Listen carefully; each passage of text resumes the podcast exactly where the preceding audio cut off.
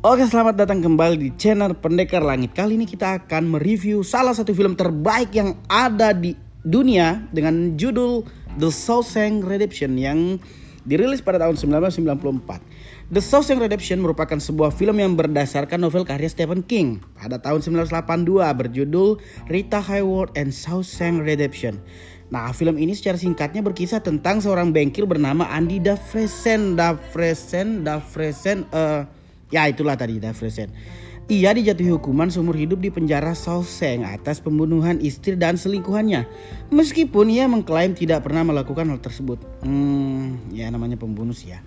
Film ini berdurasi 142 menit. Ini menjadi salah satu film berperingkat tertinggi di laman situs internet Movie Database IMDb.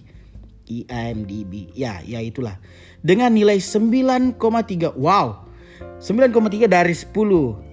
Dari 2002 juta, ya maksudnya 2 juta 381 813 suara, The Shawshank Redemption yang rilis di tahun 1994 mendapatkan penghasilan 58,3 juta dolar di seluruh dunia dari anggaran produksi yang mencapai 25 juta dolar.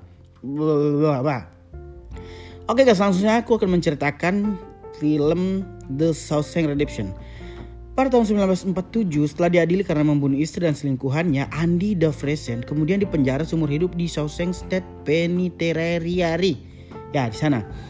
Ia lalu berteman dengan salah satu napi yang merupakan seorang penyelundup barang bernama Alice Red Redding.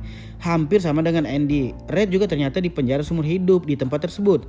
Red selanjutnya membawakan poster aktris Rita Hayworth berukuran besar kepada Andy.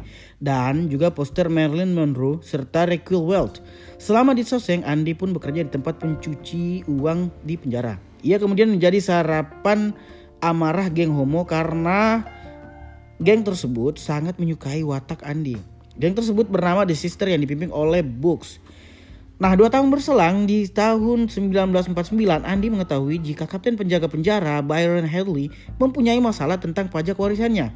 Andy kemudian yang seorang banker lalu memberikan saran-saran untuk mengatasi hal tersebut. Karena saran dari dirinya, Henley menghajar Books bersama kelompok The Sister yang nyaris membuat Andy tewas. Karena menurut bankers tersebut, Andy adalah aset Nah, sejak itu Andy kemudian dipercaya untuk mengelola urusan keuangan penjara di Shawshank.